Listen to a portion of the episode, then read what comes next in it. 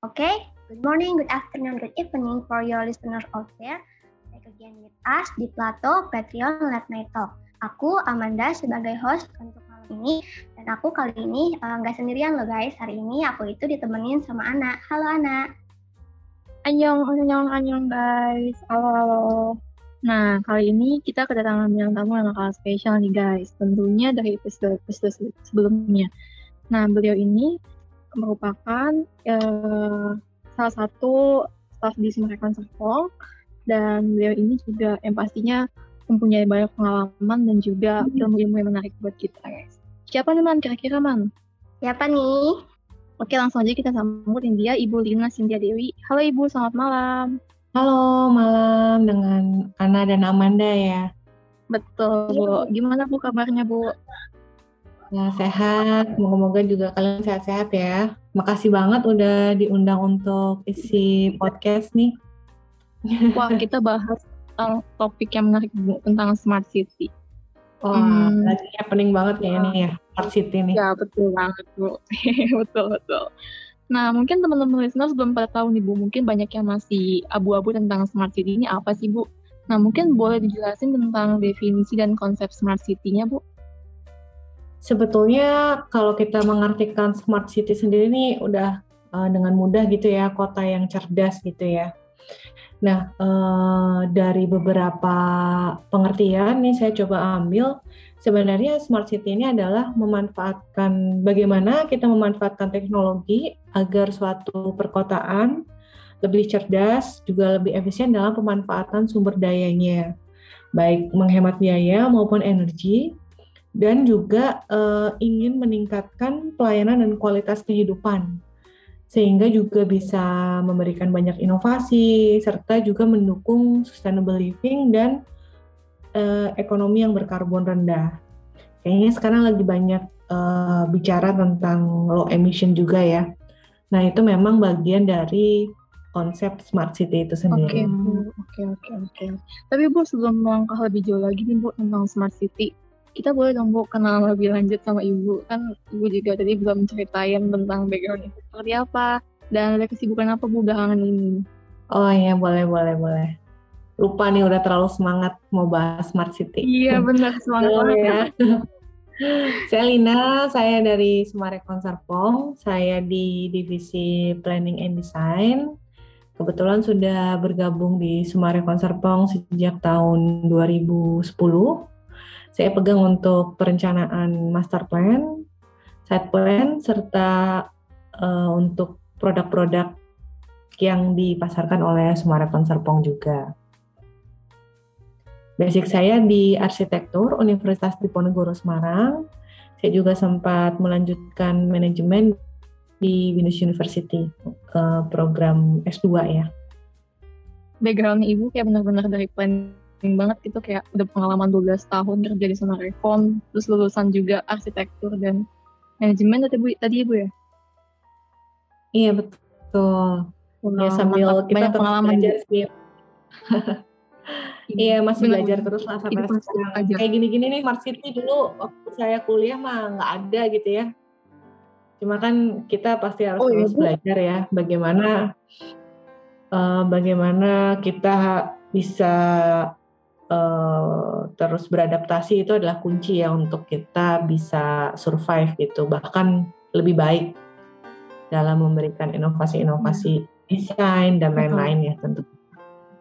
Betul ibu. Benar banget nih bu. Uh, lalu lanjut balik lagi ke smart city ini bu karena kan mereka udah perkenalan juga. Pasti teman-teman listeners sudah pada tahu nih ibu siapa. Uh, langsung lanjut lagi ke smart city. Mungkin Amanda bisa di next. Gimana nih Oke, okay. tadi kan kita udah kenalan ya sama ibunya, terus kita juga udah kenalan tentang definisi sama konsep smart city. Nah, sekarang uh, bagaimana sih Ibu cara mengimplementasikan smart city dalam suatu kota serta uh, pemanfaatannya? Nah, seperti yang kita tahu ya, smart city ini kan ada enam pilar ya dari smart economy, smart governance, smart people society, smart living, smart mobility, and smart environment. Nah, untuk penerapannya tentu saja kita dari masing-masing pilar itu ya misalnya kalau dari smart economy ini kita bisa lihat bagaimana cara di suatu kota baik pemerintahnya maupun masyarakatnya ataupun developer-developer yang ada di dalamnya ini bisa bekerja sama untuk menarik investor dan meningkatkan daya tarik sehingga pertumbuhan ekonominya cepat ya bahkan mungkin membuka peluang untuk uh, bisnis-bisnis baru seperti startup dan lain-lain. Kemudian secara environment ini mungkin banyak sudah dipelajari juga ya di arsitektur ataupun tata kota. Bagaimana kita tidak hanya menata atau merancang perkotaan, tapi juga bagaimana kita memanage untuk pengolahan misalnya sampahnya, air limbahnya, dan juga apa sih energi alternatif yang ramah lingkungan yang bisa kita tawarkan di smart konsep smart city ini. Kemudian untuk smart governance tentunya ini akan melibatkan juga dengan pemerintah, pemerintah pusat maupun pemerintah daerah setempat ya. Kemudian smart living. Nah, smart living ini mungkin akan lebih banyak terkait dengan uh, distrik ya, mungkin kawasan yang lebih kecil serta bangunan-bangunan yang ada. Nah, untuk smart mobility ini kita bisa juga uh, bicara bahwa ini tidak hanya di, di menjadi tanggung jawab pemerintah sepenuhnya begitu, tapi bagaimana juga misalnya pihak swasta ikut serta dalam mendukung bagaimana kita bisa menciptakan smart mobility di suatu kawasan ataupun kota. Nah, kemudian untuk uh, smart people atau smart society. Tentunya ini pendidikan integrasi masyarakat bagaimana kita bisa mendukung untuk menciptakan society yang lebih terbuka terhadap teknologi dan pengetahuan-pengetahuan baru. Kurang lebih mungkin itu ya. Jadi bagaimana uh, kita harus terus memegang konsep enam pilar itu dalam mengimplementasikan smart city dalam suatu kota Oke Ibu, tadi kan kita sudah membahas mengenai konsep sama cara mengimplementasikannya ya Bu. Nah sekarang tuh kan lagi uh, musim pandemi gini ya Bu. Uh, terus uh, bagaimana sih Bu perkembangan konsep Smart City ke depannya saat musim pandemi kayak gini? Nah untuk perkembangan konsep Smart City ini pastinya akan terus di jalankan ya selain memang ada misi dari pemerintah ya kita sedang menuju 100 kota smart city gitu. Nah, untuk smart city ini juga diharapkan yang pastinya kenapa gitu ya kenapa akan terus dikembangkan konsep smart city ini karena eh, dengan menerapkan smart city ini kita ingin mencoba juga menjawab masalah-masalah yang ada di perkotaan baik secara inovasi maupun penataan yang lainnya. Jadi dari segi teknologinya, kemudian bagaimana inovasinya yang akan membantu dalam uh, tentunya dalam kehidupan masyarakat ya untuk menunjang kehidupan kota yang lebih efisien dan berkualitas. Oke Bu, jadi kan nah kenapa ada... juga smart city ini? Oh iya maaf interupsi Bu. nah kenapa Kenapa sih, uh, ya saya lanjutin dulu ya. Kenapa sih smart city ini ke depannya potensinya seperti apa dan kenapa terus dikembangkan? Nah, dari smart city tadi itu yang sempat saya sudah sebutkan beberapa, sebenarnya ada eh, fungsi-fungsi uh, atau manfaat ya, manfaat dari jika kita menerapkan konsep smart city, yaitu kita akan lebih bisa menciptakan perencanaan pengembangan kota yang lebih uh, lively ya, di di masa sekarang ataupun masa depan. Kemudian juga kita bisa meningkatkan produktivitas daerah, kemudian membuat sistem ekonomi menjadi lebih terintegrasi, serta meningkatkan kesejahteraan masyarakat di wilayah tersebut. Nah, dan juga tentunya kita menciptakan rumah dan bangunan yang ramah lingkungan, yang juga mungkin kita lakukan dengan konsep yang memakai sumber energi terbarukan atau kita bisa bilang sustainable energy begitu.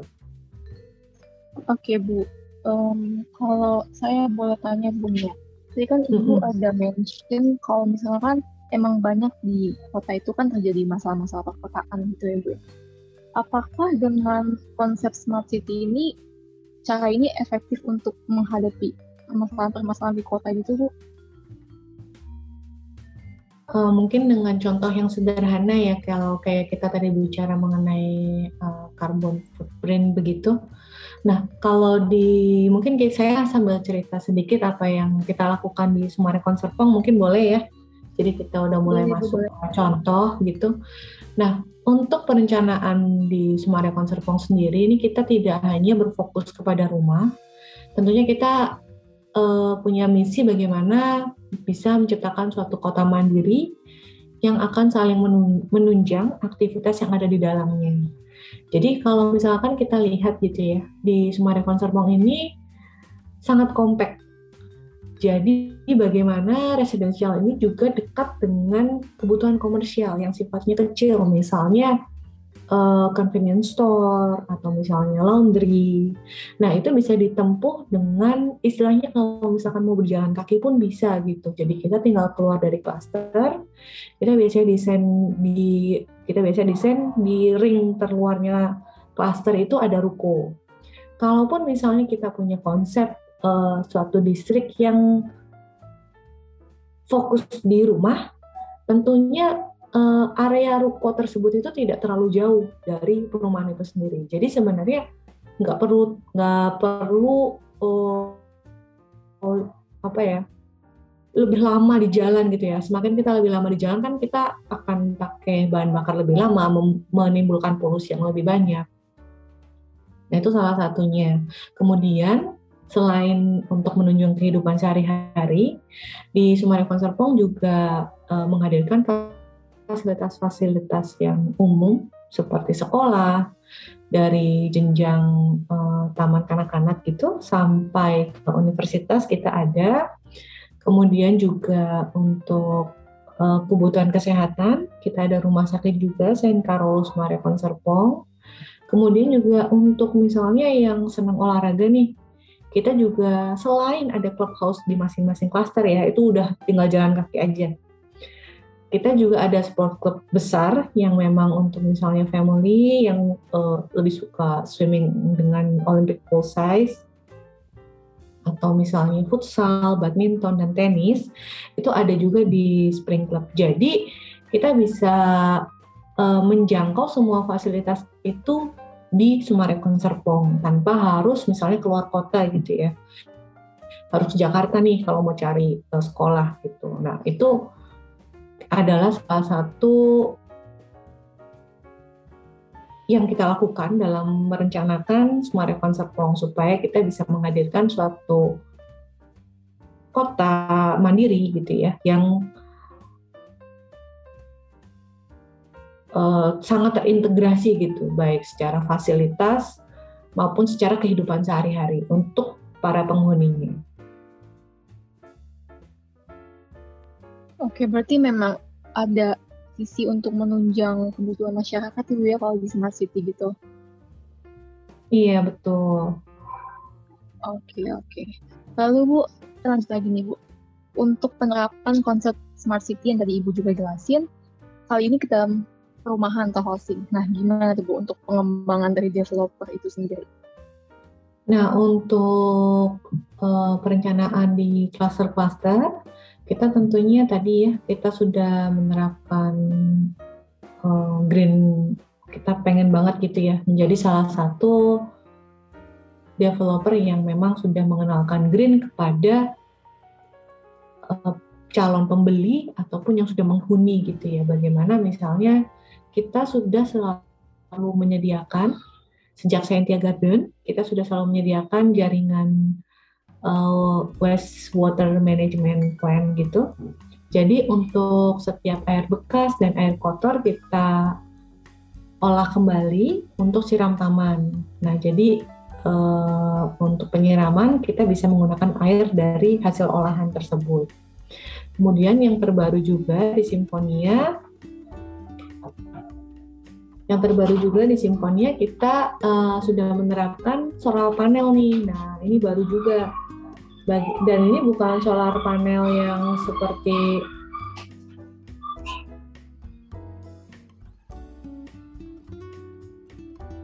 solar panel yang seperti untuk water heater aja ya, tapi ini solar panel yang memang bisa mengkonvert energi surya, energi matahari menjadi energi listrik.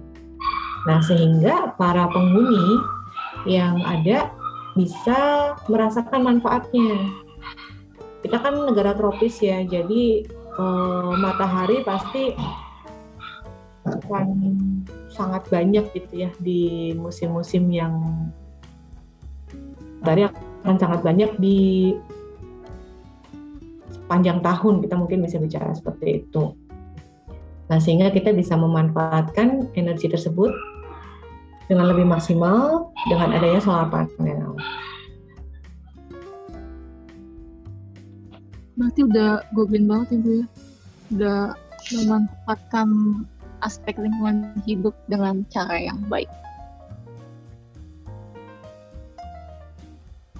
Ya, nah selain dengan teknologi, kita juga untuk desain rumahnya sendiri, kita coba bagaimana desain ini bisa memaksimalkan cahaya yang masuk sehingga kita uh, tidak perlu nyalain lampu gitu ya siang hari dan juga bagaimana untuk menciptakan aliran udara yang baik di dalam rumah.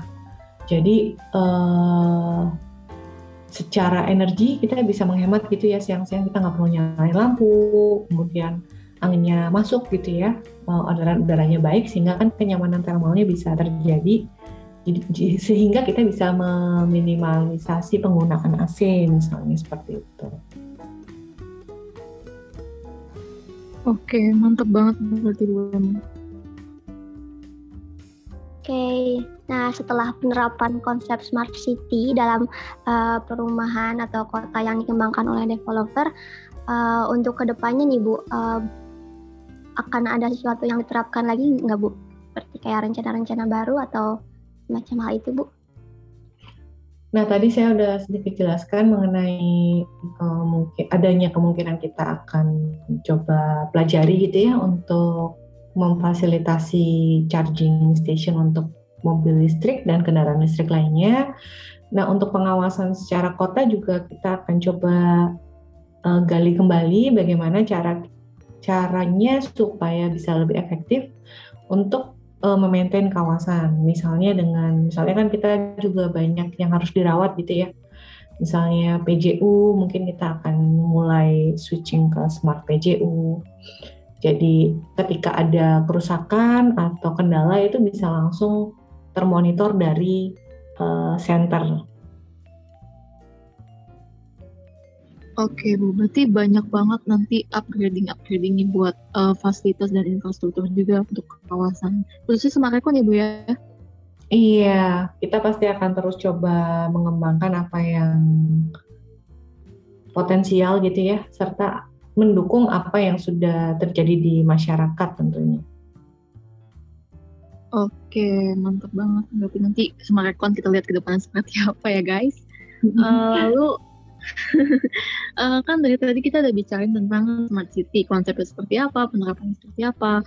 Uh, tapi ada satu hal yang mungkin teman-teman listeners juga masih hmm, bingung kenapa developers itu harus menerapkan konsep smart city nih Bu? Kenapa nggak yang lain gitu? Kenapa smart city? Nah, tadi yang seperti sudah sempat disampaikan ya, smart city ini kan uh, sebuah visi yang besar gitu ya, bagaimana sebuah kota bisa berjalan bersamaan dengan teknologi untuk meningkatkan segala segala kegiatan ataupun fungsi yang nantinya akan kembali lagi ke masyarakat. Jadi ini adalah nilai yang harus dicapai justru ya ketika untuk di masa mendatang gitu bagaimana suatu kota ini memang sudah siap dalam hal segi teknologi maupun juga kesiapan eh, enam pilar tadi untuk mendukung kehidupan kualitas kehidupan di dalamnya. Nah, untuk sekarang nih kita juga sudah ada aplikasi ya. Kalau misalnya kalian bisa browsing gitu ya, kita sebut eh, aplikasinya ini adalah Sumarekon Home. Nah, di sini kita bisa mengelola properti hunian tuh lewat handphone. nggak cuma untuk bayar tagihan. Jadi kita kan juga ada mall gitu ya. Nah, kalau misalnya mau valet parking itu reserve parking itu bisa dari aplikasi itu langsung juga. Juga misalnya ada permohonan izin untuk renovasi. Nah, itu juga bisa dilakukan dari Smarekon Home Apps. Jadi ini adalah bagian yang bagian dari teknologi yang kita kembangkan untuk uh, mendukung kehidupan di perkotaan Sumarekon Serpong. Uh, jadi makin praktis ya Bu ya kalau misalkan mau ke mana-mana juga. Iya, jadi lebih mudah. Kemudian kita kalau uh, pembayaran selain pembayaran tagihan gitu ya, kita uh, izin gitu udah sampai mana nih? Izin renovasinya uh, masih lagi di review atau udah sampai di tahap apa? Nah, itu semua bisa bisa kelihatan nih di aplikasi. Kemudian juga ada uh, fitur juga premium stamps. Jadi selain membantu juga uh, kita uh, kayak kasih rewards gitu ya. Maksudnya tinggal di Sumarekon tuh nggak hanya mudah loh, tapi ada rewardsnya juga yang bisa ditukar dengan fasilitas di mall ataupun kawasan. Berarti banyak benefits dan juga keuntungan buat masyarakat khususnya yang tinggal di Sumarekon ya Bu ya? Mm -mm, makanya harus beli di Sumarekon nanti ya. Ayo promosi Bu, promosi Bu. Karena gimana pun tapi benar gitu ya tadi seperti yang disampaikan. Kenapa sih developer tuh harus smart city gitu. Nah itu juga menjadi salah satu yang harus dilihat oleh calon pembeli nantinya gitu ya. Bagaimana siapa sih developernya? Developernya ini uh, punya visi seperti apa sih? Ada tujuan-tujuan apa di depan. Nah, itu akan uh, penting ya bahwa bagaimana suatu kawasan ini akan terus naik nilainya, value-nya dengan eh, konsep-konsep uh, yang akan terus dikembangkan. Jadi nggak cuma yang sekedar hanya olah lahan, jual rumah gitu, tapi kita memang benar-benar mau membuat sebuah kota yang smart city yang sustainable, yang green gitu. Oke, Bu. Nah, uh, dari tadi kan kita sudah membahas mengenai smart city ya, Bu. Uh, Ibu juga tadi sempat uh, menyinggung mengenai smart home. Nah, saya mau nanya nih, Bu, mungkin sobat planner di luar sana juga banyak yang belum tahu mengenai uh, apakah perbedaan antara smart uh, city dan smart home itu, Bu? Nah, kalau smart city tentunya tadi kita bicara hal yang besar ya, dengan berbagai macam uh, faktor dan pendukungnya. Jadi nggak cuma uh, eh, ABC gitu ya, tapi lebih banyak lagi. Nah, smart home ini adalah bagian dari smart city itu sendiri. Nah, smart home ini ada di uh, kalau di Semarang Konsepong ini kita terapkan untuk rumah gitu ya. Bagaimana misalnya uh, penghuni dapat melakukan kontrol terhadap alat-alat uh, elektronik yang ada di rumah itu dari aplikasi. Jadi misalnya ketika harus uh, pergi keluar kota, nah biasanya kan kita kalau lampu tuh langsung nyalain aja terus gitu ya, biar nggak kelihatan gelap rumahnya. Nah ini kita bisa kontrol dari aplikasi, bahkan bisa menggunakan schedule gitu ya, kapan harus nyala atau kapan harus off. Itu pun tidak hanya berlaku untuk lampu, juga untuk power, Selain itu juga ada security systemnya. Jadi bagaimana uh, eh, CCTV itu bisa terkoneksi ke aplikasi tersebut, baik CCTV yang indoor maupun CCTV yang outdoor. Selain itu juga ada lagi macam-macam sih uh, smart home ini sendiri. Jadi tadi safety itu kan ada CCTV, juga ada smart door lock gitu ya. Jadi kunci sekarang kayaknya udah nggak musim ya pakai kunci anak kunci. Biasanya udah pakai pin atau uh, sidik jari atau kartu gitu ya. Jadi udah nggak pusing-pusing nih bahkan dari handphone gitu langsung di tap bisa.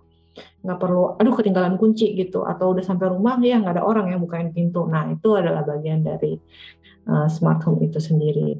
Kemudian juga untuk safety yang lainnya ada door and window sensor Nah, itu akan memberikan alert ke kita, misalnya kita udah nyalain gitu ya, sekitar uh, dari misalkan dari malam ke pagi, kalau pintu terbuka itu langsung ada alarm atau alert ke device kita. Nah, itu akan membantu gitu ya untuk keamanan uh, di rumah kita. Oke, Bu. berarti nggak cuma kita dapat enaknya aja, nggak cuma dapat uh, praktisnya, tapi kita dapat safety-nya juga ya, Bu, terjamin ya. Ya? Hmm, betul. Karena gimana pun safety nomor satu ya, selain betul, estetika. Oke, oke.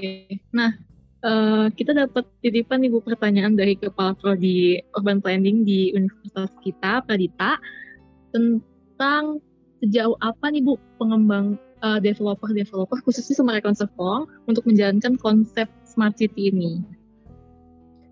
Kita akan Bu? Uh, uh, kalau sejauh apa sih kita terus mempertahankan ya kayak yang tadi kita, saya sudah sampaikan tuh mengenai bagaimana wastewater treatment plan itu kita selalu kita selalu ada di klaster-klaster kita.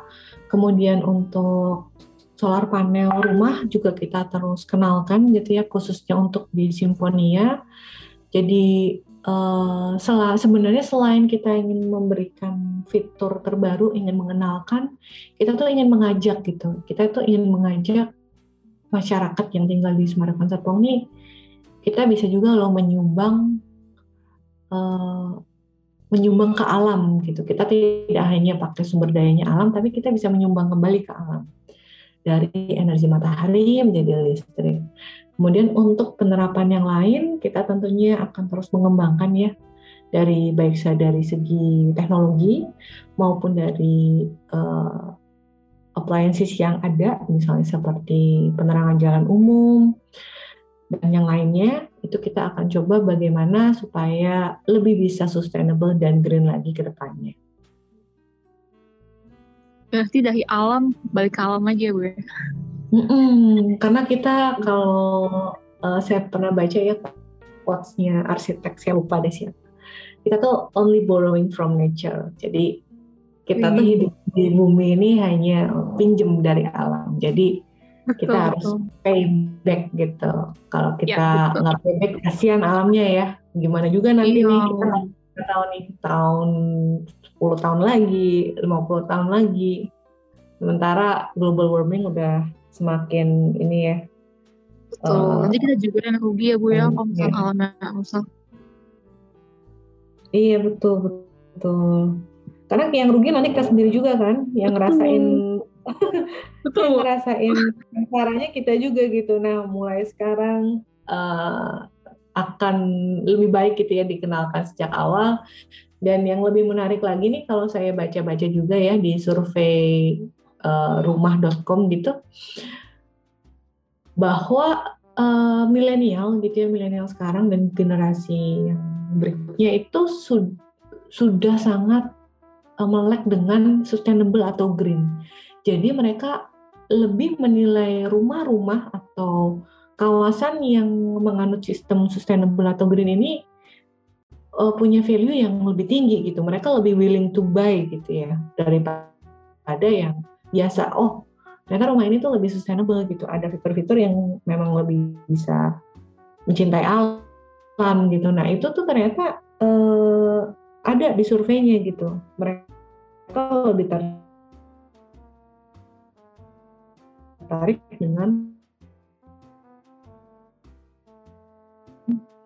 rumah yang mungkin karena orang juga mau kayak ada sensasi hijaunya gitu lebih lebih adem gitu kali bu. Kalau misalnya bangun tidur gitu kan kita kan lihat rumah tuh kayak adem aja gitu bu Iya, mungkin juga nggak sekedar hanya hijaunya ya, tapi ya itu tadi uh, bangun tidur tuh jendelanya dapat matahari. Betul, gitu. sama itu.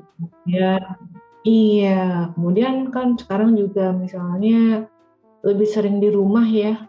Uh, beberapa sih mungkin sudah sebagian masuk kantor, tapi kan juga mungkin ada sebagian yang masih dari rumah gitu. Nah, Eh, hal-hal uh, tersebut itu yang bikin nyaman sebetulnya. Bagaimana kita tetap bisa produktif bekerja dari rumah dengan rumah yang lebih lively, dengan natural light yang baik, dengan circulation air circulation yang juga baik. Nah itu tuh berbeda gitu ya. Oke oke, mantap banget berarti ya. Oke kita lanjut lagi berarti ada satu lagi pertanyaan Bu soalnya Bu. Kan tadi ada dua kan, ini baru satu. Nah, lagi nih Bu. Saya boleh, boleh mungkin Oke, oke. Satu lagi pertanyaannya kan tadi kita udah kayak bahas tentang uh, fitur-fitur sama konsep uh, pengembangan eh konsep yang dijalankan oleh para uh, developer. Nah, uh, dari fitur-fitur tersebut uh, apakah konsep-konsep uh, menarik itu dapat uh, menarik para calon konsumennya, Bu? Iya, tentunya uh, ini akan sangat menarik ya karena selain value green yang tadi kita tawarkan, value secara ekonominya juga ada gitu. Kayak misalnya tadi dengan penggunaan solar panel, tentunya tagihan listrik yang biasanya sekian akan bisa lebih berkurang ya karena kan kita uh, pada malam hari akan pakai listrik yang dihasilkan dari uh, converting energy dari solar menjadi electricity. Jadi konsep smart city ini tentunya akan sangat menarik bagi calon konsumen apalagi ya maksudnya untuk populasi saat ini sudah didominasi lebih dari 50% milenial dan generasi berikutnya. Jadi kita dari pihak developer tentunya akan coba terus menghadirkan produk yang sesuai dengan kebutuhan atau preference uh, dari market. Oke. Nah, Bu, uh, sebelum kita ngakhirin podcast, saya mau tanya lagi nih, Bu. Kan Boleh. tadi Ibu mention Sumarekon Serpong. Nah, mungkin teman-teman listeners juga kan nggak semuanya mungkin dari daerah Tangerang kan ada juga yang dari luar daerah. Nah mungkin banyak yang belum kenal Sumarekon Serpong. Nah sebenarnya Sumarekon Serpong itu apa Bu? Sumarekon Serpong ini adalah bagian dari Sumarekon Group ya. Kalau kita tahu Sumarekon Group ini udah di beberapa tempat. Yang pertama ada di Kelapa Gading, yang berikutnya ada di Serpong, kemudian ada di Bekasi, Kerawang, Bandung, Makassar, dan juga ada di Bali. Nah kita eh, posisinya ada di sebelah baratnya Jakarta, masih eh, dekat ya sebetulnya dengan Jakarta. Dan di sini kita ada sekitar 850 hektar secara total kawasan yang kita bagi menjadi lima kawasan. Yang pertama kawasan kota, kemudian kawasan Pondok Jogol, kawasan Springs, kawasan Sentia Garden, dan yang terbaru ini kawasan Simfonia. Oke Bu, ini saya dengar-dengar ada namanya kelas terbaru ya Bu, namanya Leonora ya Bu ya. Itu pengembangan kawasan gimana tuh Bu? Nah itu ada di kawasan Simfonia. Oh. Ada di, iya, itu menjadi salah satu bagian dari distrik Melodi. Jadi kalau di Simfonia ini kita bagi lagi menjadi beberapa distrik itu ya, kawasan kecil. Yang pertamanya itu di kawasan Harmoni, itu ada Vivaldi, Mozart, Verdi, dan Rossini. Nah, yang di Melodi ini kita sudah ada launching um, empat cluster termasuk Leonora. Yang pertama itu ada Martinez, Agnesi, Baroni, dan yang terakhir ini Leonora. Udah main ke Leonora belum? Belum, aku jangan ke Serpong, Bu. Aku jarang. Jadi soalnya. Ya, harus main nih. Itu menarik banget ya konsepnya kita uh, coba gali lagi di bangunan bagaimana kita tadi bisa merasakan alam lebih dekat. Nah ini ada etiknya nih kita untuk produk Leonora. Nggak cuma etik indoor, juga ada etik outdoornya. Jadi kalau mau kerja atau sekolah dari rumah, kalau bosan di bawah tinggal naik ke atas. Jadi lebih fleksibel ya. Jadi misalnya pun harus ada beberapa orang yang online dari rumah tuh, tuh saling bisa tidak tidak saling mengganggu.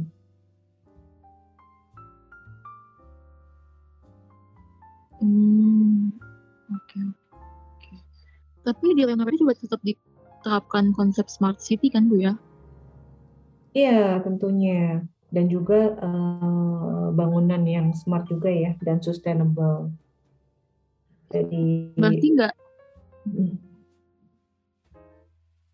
Iya Bu, Bu. Enggak apa-apa. Uh, enggak jadi maksudnya di seluruh kawasan Semarang Serpong itu berarti emang udah terintegrasi untuk smart city ya Bu. Jadi uh, semua klasternya gitu.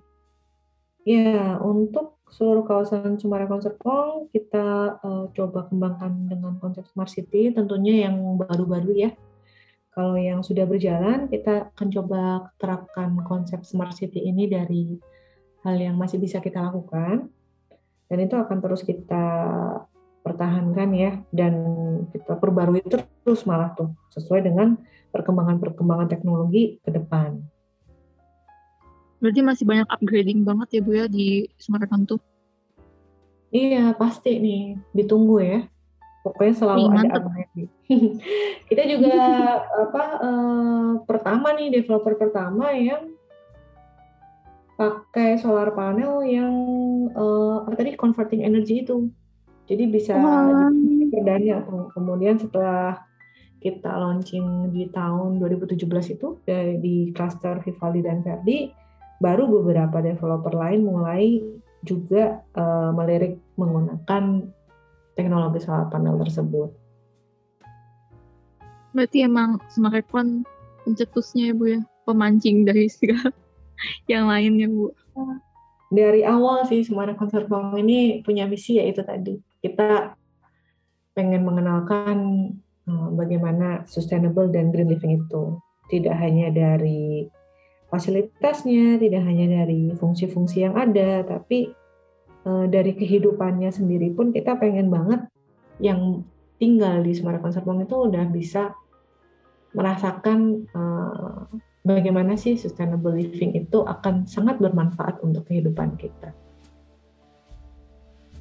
Oke, Bu. Hmm. Oke, oke.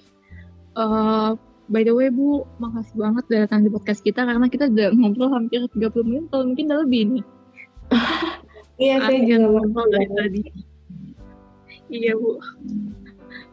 Pokoknya makasih Masih, banget ya, Bu. Iya, main-main ya ke Leonora. Iya, Bu. Iya. Oke, Bu. Mantap, Bu. Oke, pokoknya thank you banget Ibu buat ketersediaan waktunya buat podcast malam ini dan juga thank you buat teman-teman listeners yang mau dengerin dari awal sampai akhir podcast ini dan jangan lupa untuk saksikan episode-episode selanjutnya yang akan menarik banget guys. Oke, jadi sekian untuk podcast kali ini. Thank you and see you. Goodbye. Bye-bye. Annyeong guys.